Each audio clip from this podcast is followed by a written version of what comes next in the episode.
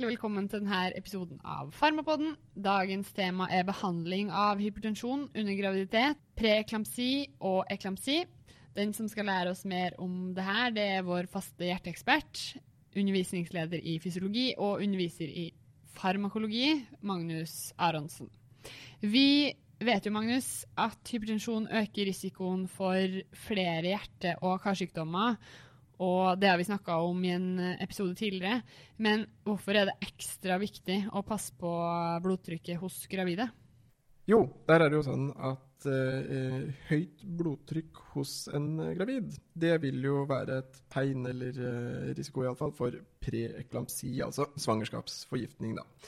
Så, og det er jo noe vi veldig gjerne vil oppdage så tidlig som mulig, fordi at det i seg selv, altså svangerskapsforgiftning, preeklamsi, det kan jo bli svært alvorlig. Så det er grunnen til det. Får kvinner fysiologisk litt lavere eller høyere blodtrykk når de er gravid, og eventuelt hvorfor?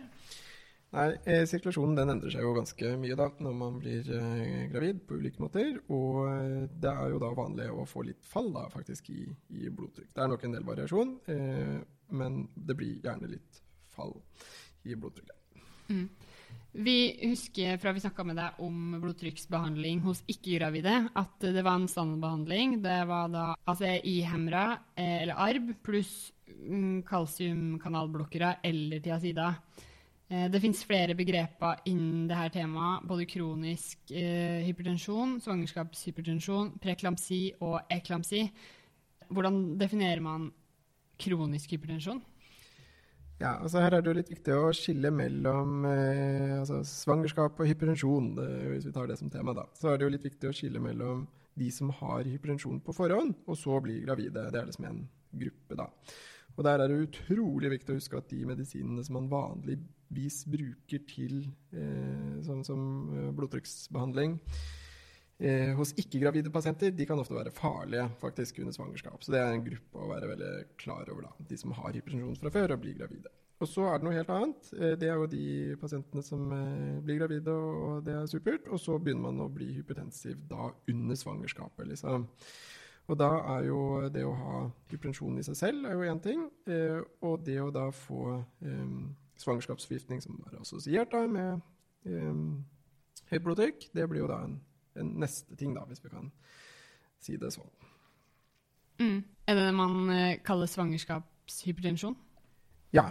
Det er altså da når uh, vi har kommet til etter uke 20 i svangerskapet, og blodtrykket blir da uh, sånn at vi definerer det som hypertensjon da, til vanlig også, altså 100 over 140 over 90 da. Men i, som i termen svangerskapshypertensjon, da høyt blodtrykk som er utviklet etter uke 20 da. Og dette er jo litt viktig å, å følge med på og, uh, ekstra godt, for å si det sånn, fordi at dette kan jo være første tegn på eh, preeklamsi, altså det som heter svangerskapsforgiftning. Og da er det en ganske god andel av de som da får svangerskapshypertensjon, kanskje én av fem eller noe sånt nå, som vil få preeklamsi. Og det er utrolig viktig å fange opp eh, som én del av dette med svangerskapshypertensjon. Og det andre er at de som får det, har også høyere risiko for å få hypertensjon også senere i livet. Da. Altså, det er en risikofaktor i seg selv, da, hvis man kan si det sånn. Men preeklamsida, som du er inne på, var i tillegg til høyt blodtrykk, så må vel også noen andre kriterier oppfylles for at man kaller det det? Ja, ikke sant. Så det er, det er ikke nok da, på en måte å ha hypertensjon i seg selv. Og før så var det sånn at da var det proteinuri, altså at man hadde proteiner i urinen pluss hypertensjon. Da kalte man det preeklamsi når det kom etter uke 20. Og det er i og for seg en grei ting å få med seg. Høyt proteiner i urinen og høyt blodtrykk i svangerskapet, greit, det kan være preeklamsi. Men per nå så har vi på en måte lagt til uh, en greie i definisjonen. Så hva er definisjonen av preeklamsi eller svangerskapsforgiftning nå, da? Det er hypertensjon pluss ett eller flere tegn på eh, organdysfunksjon etter uke 20. Så det kan være i nyra, som kan rammes. Det er proteinuri eller kreatininstigning eller noe sånt. Noe. Nyre, nyreskade. Det kan være leverskade, og det ser vi jo som vanlig da, ved høyt leverskadeparameter, transaminaser i blod. Det kan være skade i blodet, eh, hematologiske saker som lavt eh, trombe- eller platetall, trombocytopeni, eller hemolytiske ting, eller eh, ja, blod, blod ramme, ramming av blodet. og det siste er jo da cerebrale ting, eklamsi eller synsforstyrrelser eller hodepine eller andre ting fra hodet. Så altså oppsummer, oppsummering fra meg selv. Preeklamsi, høyt blodtrykk pluss ett eller flere tegn på dysfunksjon i et organ. Nyra, lever, blod eller hjerne. Da har vi svangerskapsforgiftning. For hva, hva er konsekvensene av det? Hvorfor er det så farlig? Nei, det er eh, farlig for både mor og barn, nær sagt. Eh, og det er først og fremst da hjerneskader av ulike typer, eh, ødem osv., kramper, som vi er ordentlig redde for, da, som er rett og slett farlig for mor, og sekundært da, og barnet selvfølgelig. da. Mm. Er det det man kaller for eklamsi? Ja, nettopp. Når du da får kramper osv., så, videre, så er vi over i um, i uh, eklampsi, som uh, i praksis da er uh, høyt blodtrykk pluss krampeanfall, altså epileptiske anfall, nær sagt. Litt enkelt sagt, da. Og det er jo selvfølgelig da i de tilfellene hvor det ikke er andre åpenbare årsaker til krampeanfall. Mm. Mm. Men de skal man vel også være litt obs på etter man har forløst barnet? Definitivt. definitivt. Så her er det oppfølging både før, under og etter fødsel ja. for de som da har kommet i preeklamsi og i alle fall hvis det er eklamsi. Men her er det risiko for komplikasjoner både før, under og etter eh, fødsel. Mm. Mm. Eh, er det sånn at man alltid må ha preklamsi eller alvorlig preklamsi før eklamsien, Eller kan det også komme eh, av seg selv, på en måte? Det er jo det som er det typiske, da. At man går fra preklamsi til eklamsi. Men eh, det er ikke alltid sånn. Så det er, eh, er greit å ha med seg at, at at det kan eh, komme som første tegn. Så det er også greit å være klar over det. Hvis vi går litt videre på behandling, da. Fins det noe forebyggende behandling mot dette høye blodtrykket og preeklamsi hos gravide? Ja, eh, forebyggende behandling mot preeklamsi. Eh, det kan være en god, gammel medisin, nemlig acetylsalicylsyre. Og Der er det ulike doser osv. Og, så og lengdebehandlinger og grunner til å bruke det, men, men kortversjonen er da acetylsalicylsyre. 75 mg eller 150 mg. Og her er det litt um, spennende vitenskap i det, for så vidt. Men det er det som er tingen. Og her er det med det å ta medisinen compliance riktig så viktig, da. Mm. Hvem er det som skal ha ASA? Finnes det noen risikofaktorer som kan predikere om en kvinne med høy sannsynlighet vil få preeklamsi? Ja.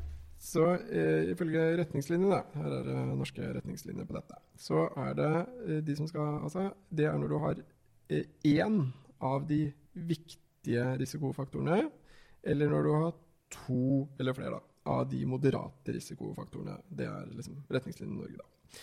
Og da er at du har hypertensjon fra før. Altså hva er de viktige risikofaktorene som da gjør at du skal ha ASA? Det er de som har hypertensjon til vanlig. Kronisk hypertensjon, om du vil.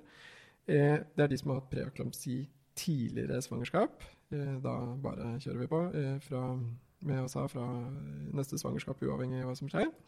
Og så er det hvis du har kronisk nyresykdom, ulike autoimmune sykdommer eller diabetes, da, som alle de gruppene der skal ha forebygging med acetylsalicylsyre.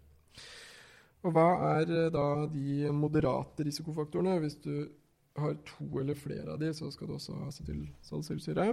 Det er hvis det er første svangerskap eh, for en kvinne. Eh, hvis altså det er en kvinne som er over 40, eller man har BMI over 35.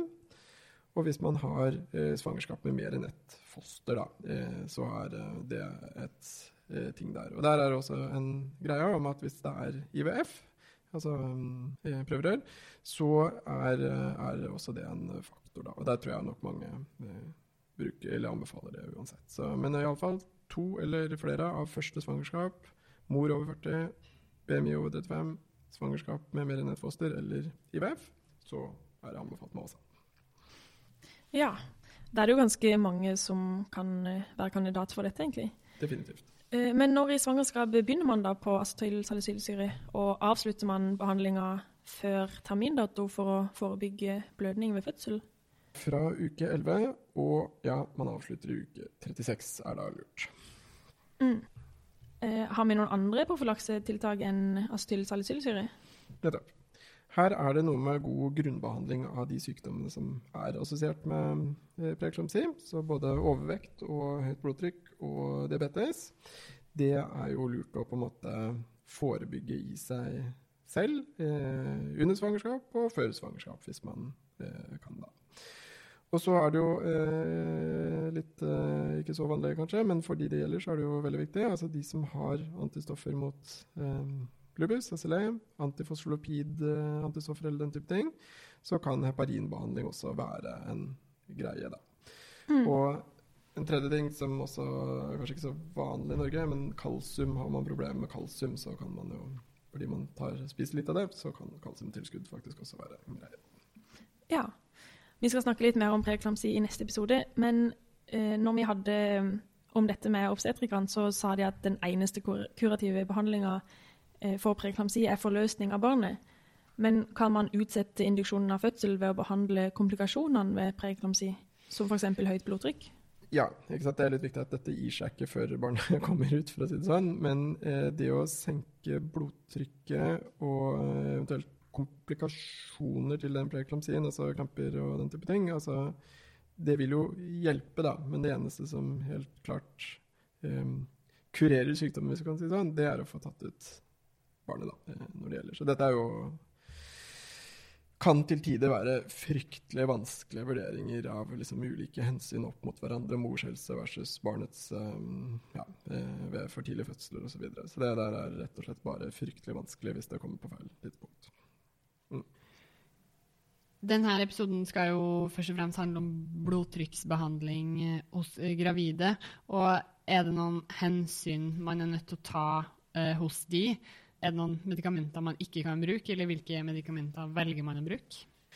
Det er litt kjernen at de legemidlene som vi vanligvis bruker ved høyt blodtrykk, de skal man helst ikke bruke under svangerskap. Og det er rett og slett fordi de er farlige under svangerskap. Så det som er litt sånn uh, main message her, det er at de pasientene som da har høyt blodtrykk fra før og tar medisin mot det og blir gravide, da er det sannsynligvis farlig å ta de medisinene under svangerskapet. Så her må vi bytte.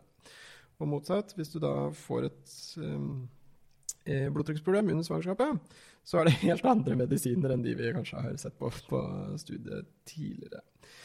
Og det er egentlig ganske logisk når man uh, tenker på det, fordi at det er jo en etisk greie det der å teste ut legemidler på gravide. Det er, um, det er, uh, det, det, er um, det er ikke bra. Eh, så veldig ofte så er situasjonen at nye legemidler som brukes mye, er ikke testa ut eh, på gravide fordi det er eh, etisk vanskelig osv. Så, videre, så man vet ikke helt om det er trygt eller ikke. Og for noen legemidler så, så vet vi at det er farlig for fosteret. Og litt sånn fordi at de har blitt veldig mye brukt opp gjennom tidene, nær sagt, så er det noen legemidler som vi vet er trygge, faktisk. Eh, under svangerskap. Og det er de vi da bruker. Og det er eh, tre ting. Eh, det er en betablokker som heter Labetalol. Og det er eh, en kalsiumkanalblokker, nifedipin. Den har vi kanskje hørt om før, da. Eh, og så er det et litt sånt eh, spennende medikament, som gjerne er litt tredjevalget, da, eller andrevalget, om man vil.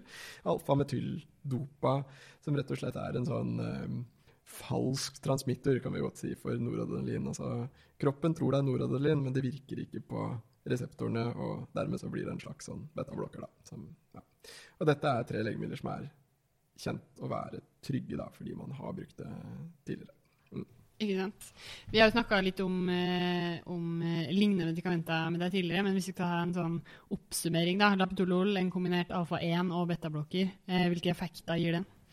Nei, det er jo en betablokker, så det gir jo eh, hemmet betareseptorer. Og, og, hovedpoenget her nå det er jo da at det senker minuttvolumet i hjertet. Så eh, lavere puls og lavere kontraktilitet og ja, det som betablokkere vanligvis gjør. Og så eh, er jo effekten da av alfablokaden Det er jo eh, hva skal jeg si, kinderegg på blodtrykket, egentlig. fordi at da senker vi også motstanden i karene ved å dilatere de. Så nå får vi lavere minuttvolum, og vi får lavere total perifer motstand, og da går blodtrykket godt ned. Og Så kan man jo også nevne da, en av effektene på sympatikus i tillegg, da, det er jo at man får mindre renin. Eh, og dermed så inaktiverer vi litt også da, renin-angiotensin-systemet. Ja. Super blodtrykkssenkning av det. Hvis man starter på de her medisinene, hvor raskt ser man effekt? Nei, dette kommer ganske kjapt, så det er en fin ting med det. Det kan gå eh, fort, det, og i løpet av noen eh, timer og sånn, så det er eh, supert. Eh, og dermed så er det også sånn at hvis vi, det er litt krise, da, så er jo det en ekstra ting som gjør at vi kan bruke dette. Uh, her er det kanskje greit å merke seg at biotilgjengeligheten av dette har med matinntak å gjøre. Sånn at dette er en medisin som er lurt å ta da, sammen med mat. Men eh, bivirkninger, vi slipper sikkert ikke helt unna de heller? Nei da, eh, for nå er litt sånn spørsmålet barn versus mor, da, eh, og effekter av, av, legemidler. Så dette gir jo de samme bivirkningene for seg som beta- og alfablokkere gjør til vanlig hos eh, mor. Man kan eh, få diverse bivirkninger der. Eh, men så er effekten på fosteret her at man kan muligens få noe vekstbegrensning på fosteret. Men her er de effektene så små på en måte at det langt utveier effekten, positiv effekt på mor. da. Men eh, man eh, kan få litt lengre hypoglykemi, og man kan få hjertefrekvenssenkning, og man kan jo da ja, få konsekvenser av det. Så tror jeg det kanskje jeg vil ta med her. Ja. Hvis man ikke kommer helt i mål, da, hva gjør man da? Nei, eh, blodtrykket er jo sånn at man ofte ikke kommer til mål med en, da, så da er svaret som regel å ta en til. og det er litt sånn logisk, egentlig, gitt blodtrykksrefleksen og hvordan den er. Og da er spørsmålet hvilken annen blodtrykkssenkende legemiddel er som er fint å kombinere da, med labetalol eh, under. Og da er det denne kalsiumkanalblokkeren eh, nifedipin, som da i all hovedsak virker på karene og senker total perifer motstand. da. Ja, neste på lista var jo nifedipin, som er en kalsiumkanalblokker, som du sa. Hva vil du si er viktig å vite om den? Jo, det er jo et veldig fint legemiddel. da, eh, På den måten at eh, det er en kalsiumkanalblokker som ikke virker på hjertet, men den virker rett på kar. Så her får vi vasodilatasjon og redusert total perifer motstand. Og det er egentlig veldig fint, for det gir ikke altfor mange bivirkninger. Men det som kan være greit å repetere, det er jo at det kan jo gi litt ankelødem, og det kan gi litt pulsøkning, som i seg selv ikke er noe problem, men det er greit at pasienten vet om det, fordi man kan bli litt stressa når man oppdager det. Og så er det sånn også at de kan virke litt på livmoren, utrus, og da kunne gi litt forlenget fødsel. Men i det store og det hele så er det legemidler som gir lite bivirkninger, og i hvert fall ikke problematiske bivirkninger. Og så er det jo da det ekstremt viktige her i denne situasjonen at dette ikke er fosterskadelig, rett og slett. Og det er kjent at det ikke er det, liksom. Mm. Mm. Virker den like raskt som labetalol? Nettopp. Så eh, ja. Det virker kjapt, og effekten kommer i løpet av kort tid. Så dette er jo finfine, eller et fint, fint legemiddel å bruke ved akutt behov for å senke blodtrykket, i likhet med labetalol. Mm. Så hadde vi også et siste medikament, eh, alfa-metyldopa. Hva kan du si om det? Ja, det er jo et morsomt legemiddel da, som har blitt brukt uh, mye. Og hva skal jeg si, er et godt, gammelt legemiddel. da. Og her er det, det som er litt fint med dette legemiddelet, er at det liksom har vært brukt så mye at man, man, har fulgt både mor og barn egentlig over mye lengre tid. da. Eh, så her er det liksom langtidsstudier som har vist at dette ikke gir noen effekt på på barnet. Så det er jo egentlig veldig fint, da. Eh, og eh, hva er det det er for noe? jo, dette er jo eh, Alfa-metyldopa er et stoff som da eh, går inn i sympatiske nerver. Og så omdannes det til et eh, virkestoff, alfametylnoradrenalin, som hva skal jeg si, da av kroppen vil håndteres som noradrenalin, men enkelt og greit ikke påvirker da alfa- og um, beta-reseptorene på samme måte som eh, noradrenalin vanligvis gjør. Og selv om det da har noen effekter og sånt som vi kan snakke om, men i det store og hele da så er et greit bilde på dette at dette er en falsk nevrotransmitter. Så det er jo egentlig en sånn full sympatikusblokk, da, om man eh, vil. Og det, det vil jo senke blodtrykket av den enkle grunnen at nå mister vi rett og slett sympatikuseffekten. Ja, ikke sant. Vil uh, den her da ha like rask effekt som de to andre vi snakka om? Nei, og det er jo litt av poenget med dette. At eh, her tar det jo god tid da, før dette blir tatt opp i de sympatiske nervene. Og de sympatiske nervene har jo masse noradrenalin fra før, så her tar det tid før vi får erstattet kroppens, eller nervenes, eh, hva skal jeg si, normale noradrenalin, eh, til vi får omdannet da eh, metyldopaen til noradrenalin-metyldopa. Så her kan det ta litt god tid før eh, effekten eh, kommer. En god del timer, da, eh, sier, vi gjerne. Og dermed så, så ville jeg nok valgt et annet legemiddel hvis det virkelig hastet. Altså. Ja. Ja, da er det jo fint å ha labetalol og nifedipin. Mm. Eh, hvis det ligner på noradrenalin, så kan jeg se for meg at det gir litt bivirkning også. Eller? Det er ikke helt få heller. Så nei da, eh, listen er meget lang, og det er greit å være klar over. Jeg tror ikke jeg skal ramse opp alle her og nå, men, men eh, litt åpenbart så vil man få mange, mange eh, bivirkninger, og, og eksempel da ortostatisk hypotensjon, altså man, man kan altså, bli fryktelig svimmel av å reise seg opp, blodtrykksfall og den type ting. Og så er det jo egentlig effekter på hele kroppen, hvor også da sentralnervøse som samlet sett gjør at man, dette skal man virkelig følge opp altså, hvis man setter pasienter på det. Men eh, det virker ikke akutt. Det gir by mye bivirkninger. om hvorfor, eller Hvem er det som da velger å bruke det her? Nei, det kan man egentlig spørre seg om. Nå er vi jo litt heldige kanskje i, i Norge Jeg vet vi har veldig gode muligheter til å betale for legemidler, men eh, dette er jo også da et riktig så billig legemiddel, det må sies. Så der hvor man rett og slett ikke har råd til de vanlige medisinene, labetrol og nifedipin, så, så kan det hende at dette er et gunstig legemiddel. Så på verdensbasis så er det jo et legemiddel som blir brukt, da. Men jeg tror ikke det er mye brukt i Norge, og de norske retningslinjene er altså sånn at labetalol og nifedipin er førstevalget, og dette er da andrevalget, hvis man må ta det. Mm. Ja, ikke sant. Vi går litt videre til selve bruken av disse medikamentene. Hva er indikasjonen for å starte på antihypertensiv behandling? Jo, det er når blodtrykket blir over 150 over 100, altså litt høyere enn det vanlige kravet for eh, Eller definisjonen, da, av blodtrykksbehandlinga. Mm. Hvorfor vil man ikke starte behandlinga før den er 150 over 100? Nei, eh, det er jo et godt spørsmål, egentlig. Og det er først og fremst fordi man er redd for at eh, fosteret da skal få eh, eh, litt mindre sirkulasjon. da. Så, så det er på en måte med, ta med tanke på fosteret, som da i teorien kan få litt mindre blodforsyning. Mm, jeg skjønner. Men hva med diuretika, og sånn kan det brukes av gravide? Nettopp. Bra. Eh, ja, fordi, ja, ikke sant? fordi vi kan jo til tider brukes av vanlig hypertensjon. Og så når det gjelder eh, gravide, så er det ofte greit å bruke lave doser da, av diuretika hvis man først må bruke det. Mm. Og du var jo inne på det at man ikke skulle bruke disse vanlige blodtrykkssenkende ved graviditet. Men kan du si litt om hvorfor de ikke skal brukes? Nei, Dette syns jeg er veldig viktig. Det er nesten sånn at uh, for den som hører på, dette er nesten den aller viktigste beskjeden eh, her. Det er at ACM-ere og ARB-er, supre legemidler som uh, brukes til vanlig mot blodtrykk, de er rett og slett ordentlig godt dokumentert at det er farlige for særlig fosteret ved uh, svangerskap.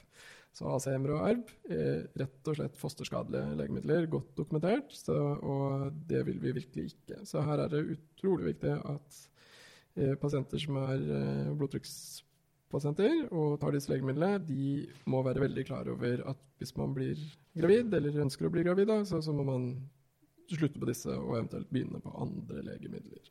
Så da burde pasienten si ifra til fastlegen før hun har tenkt å bli gravid, så de kan bytte medikament? Det er det optimale, sånn at man kan på en måte planlegge svangerskapet sånn sett da, og, og slutte på medisin eh, på forhånd, og så eh, da eventuelt finne andre legemidler som er mer egnet. Ja. Eh, og alle blir jo ikke kvitt hypotensjonen etter graviditeten heller. Og kanskje noen òg får høyt blodtrykk etter svangerskapet. Hvordan er egentlig postpartum antihypertensiv behandling? Nettopp. Det er et viktig poeng. Eh, her er det jo sånn at eh, nå har vi ikke lenger foster å ta hensyn til rett etter eh, svangerskapet. Og dermed så er det mulig å da være mye mer aggressiv med blodtrykksbehandlingen da, for de som får, eh, eller har problemer med blodtrykk etter fødselen. Så det er egentlig greit bare å eh, være mer aggressiv i behandlingen. Og da kan vi godt senke blodtrykket til liksom, 140 over eh, 90-80, da, sånn som vanlig. Eh, og her er det også sånn da at eh, nå trenger vi jo ikke å tenke så veldig mye på at legemidlene er fosterskadelige lenger, så da kan vi jo i og for seg eh, bruke andre legemidler. Og her er det verdt å merke seg at ACM-ere som Enalapril og Captopril de er altså trygge under amming. Så det er på en måte noe som er greit å bruke. da, Ikke under svangerskap, for det er jo fosterskadelig, men under amming kan det være eh, greit. Og så er det jo sånn at, eh, at um, man eh, Altså, blir dette ille, så kan jo man også slite med ødemer. Og der er, er um, furosmid, da, altså slyngedyretika, er en, en greit, greit, å bruke. da. Så bottom line, etter svangerskapet så er mer aggressiv blodtrykksbehandling enn under svangerskapet greit, fordi nå trenger vi ikke å tenke på fosteret. Eh, og eh, to ACM-ere, Enalapril, Thrill, er da greie å bruke under amming. Så det kan jo være greie substitutter da, hvis man ikke vil ha la eller nifdifin. Vi snakka om at forløsning er eneste komplette behandling av preeklamsi. Når er det man skal gå bort fra blodtrykksmedikamenter og heller forløse? Nei, det der er jo skikkelig vanskelig, da. Og eh, her må man jo sette litt ting opp mot hverandre. Men en sånn uh, Hva skal jeg si En sånn eh, guideline, da, er at hvis det er under 34 uker, altså da snakker vi og prematur fødsel uh, og litt uh, tidlig med alle sine komplikasjoner og sånn, så da gjør vi det hvis det er ordentlig alvorlig hypertensjon, da. Eh, og da er jo gjerne 160 over 110 eh, eh, retningslinjen. Og, og, hvis det er noe som ikke lar seg kontrollere av legemidler, så er jo det på en måte en tilleggsting, da. Og har man HELP eh, eller eklamsi, så greit, så er det liksom Ja, da gjør man det selv om det er før 34 uker. Når det da er liksom over 37 eh, uker, altså, så er det jo mye mindre eh, grunn til å vente, liksom. Så da er eh, det greit å, å forløse barnet etter 24-48 timer etter at man har fått preeklamsi, altså da at man har vibrasjon og en eller flere da, organdysfunksjoner. Og eh, nå er det liksom bare å ta det. Det er helt greit for fosteret å ta det etter uke 32. Det er ikke, det er ikke noe bedre eller dårligere å vente med tanke på fosteret, men for mor så blir det jo bare noe større og større og større risiko for å få alvorlige komplikasjoner. Så nå er det greit å få det tatt.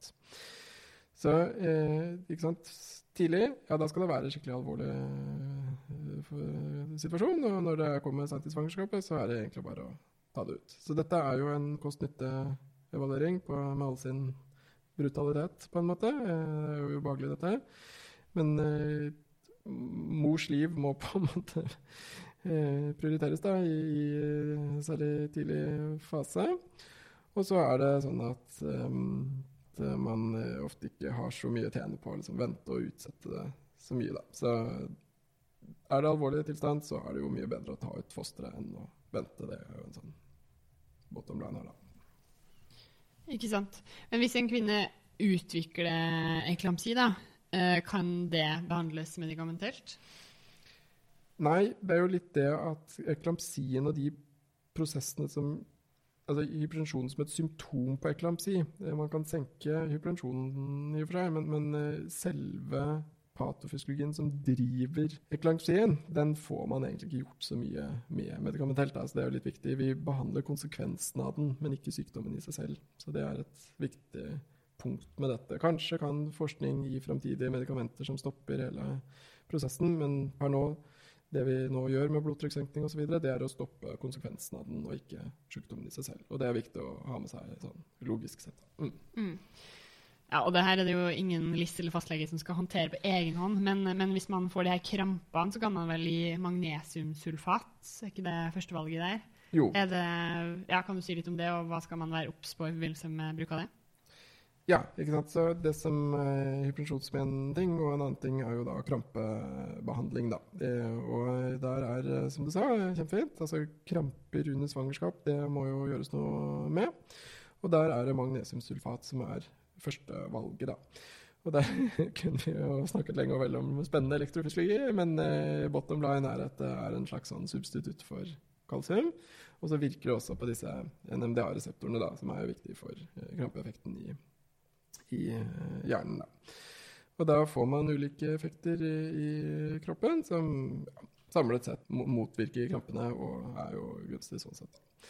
Men eh, her, her, igjen så er det krampedempende, og det stopper ikke den patofysiologiske prosessen som gir reklamsi, så dette er, dette er krise. Og så er det om å gjøre nå å beskytte hjernen osv., som da blir potensielt skadet av krampene. Så, ja. Er det noen fare for å gi for mye av denne magnesiumsulfaten?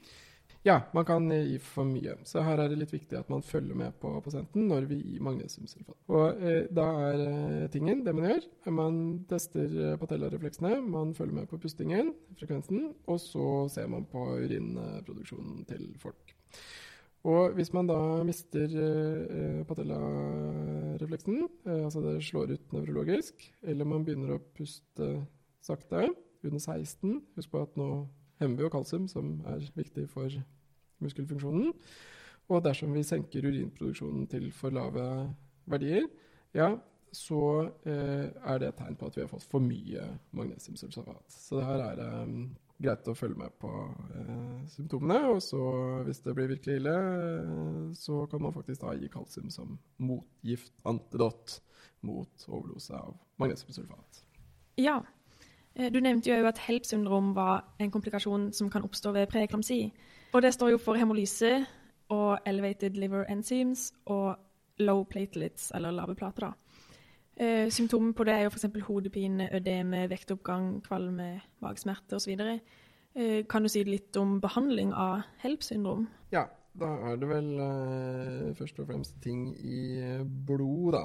Og her eh, kommer det jo litt an på hva som har skjedd, om det er særlig hemolyse eller hva som er lavt, om det er den eller andre. Men her kan man jo gi blod, da. Altså, man kan gi plasma, og man kan gi trombosytkonsentrat. Da. Så i sjeldne situasjoner så kan man også gi antitrombin da, hvis man skulle ha det. Og så har det vel vært en diskusjon om det er lurt å gi steroider eller ikke. Eh, og det er nå ikke anbefalt. Så, så, det kommer liksom litt an på hvor vi er, men det er en symptomatisk greie da, hvor man fyller på med blod eller plater eller hva man har som hovedproblem. da. Ja, men forløsning er hovedbehandling? Forløsning er definitivt hovedbehandling nå.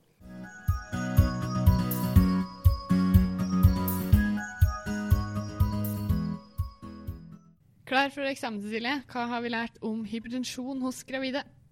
Ja, vi lærte jo litt eh, definisjonene først. Kronisk hypotensjon er blodtrykk over 140 over 90 før graviditeten og inntil uke 20. Det er veldig viktig at fastlegen og pasienten har en dialog om eventuell graviditet, for i så fall kunne bytte til trygge blodtrykksmedisiner. Svangerskapshypotensjon er definert som hypotensjon som oppstår etter svangerskapsuke 20. Hypotensjon over 150 over 100 skal behandles, og vi har tre valg som er trygge for gravide.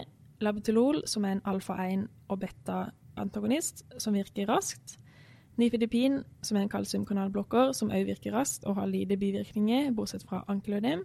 Vi har òg alfa-metyldopa, en falsk transmitter for noradrenalin, som virker saktere og har en lang liste med bivirkninger, og er derfor lite brukt i Norge, men fordi det er veldig billig, brukes det mer i andre deler av verden.